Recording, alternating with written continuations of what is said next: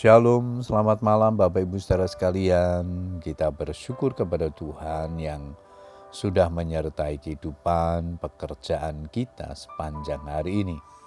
Malam hari ini kembali kita berkesempatan untuk berdoa kepada Tuhan.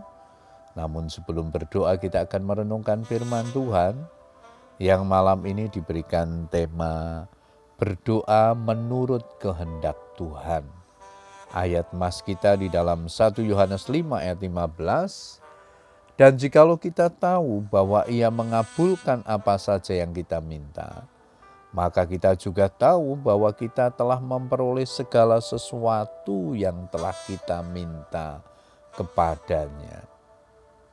Bapak Ibu Saudara sekalian, setiap orang percaya mempunyai hak istimewa untuk berdoa kepada Tuhan, di mana kita semua berharap doa-doa yang kita dipanjatkan, didengar, dan dijawab olehnya sebagaimana yang Tuhan janjikan melalui firman-Nya.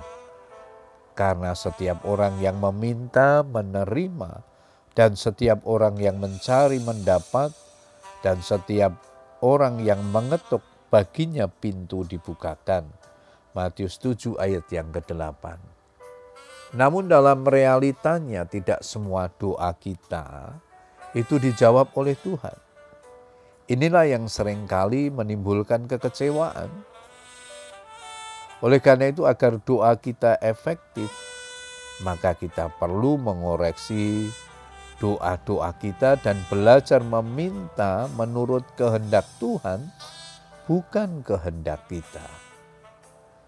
Suatu ketika Filipus berkata kepada Tuhan Yesus, "Tuhan, tunjukkanlah Bapa itu kepada kami. Itu sudah cukup bagi kami." Kata Yesus kepadanya, "Telah sekian lama aku bersama-sama kamu, Filipus, namun engkau tidak mengenal aku. Barang siapa telah melihat aku, ia telah melihat Bapa.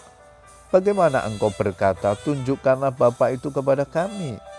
Tidak percaya ke engkau bahwa aku di dalam Bapa dan Bapa di dalam aku.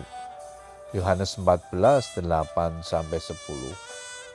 Meskipun telah bersama-sama dengan Tuhan Yesus sekian lama, makan sehidangan dengan Tuhan dan melakukan tur pelayanan bersama.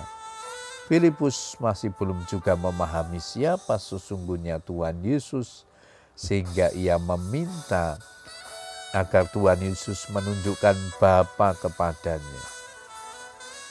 Mungkin Filipus berharap agar Tuhan Yesus mewujudkan sosok mulia Sang Bapa sama seperti yang dilihat oleh para nabi yang hidup di zaman perjanjian lama.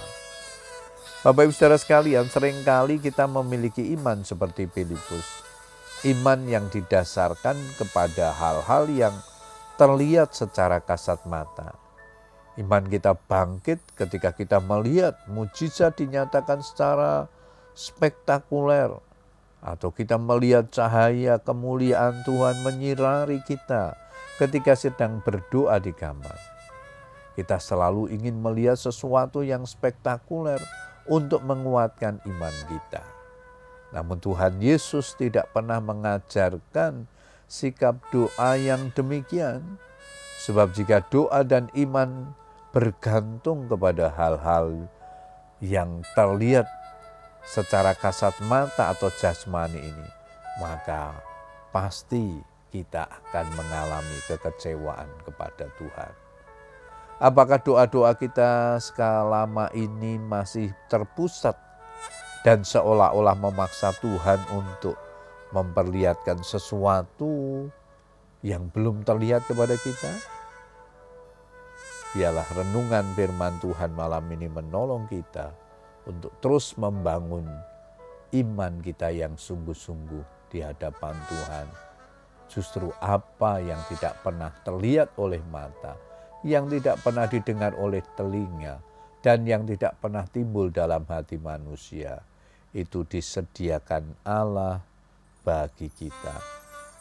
Selamat berdoa dengan keluarga kita. Tuhan Yesus memberkati. Amin.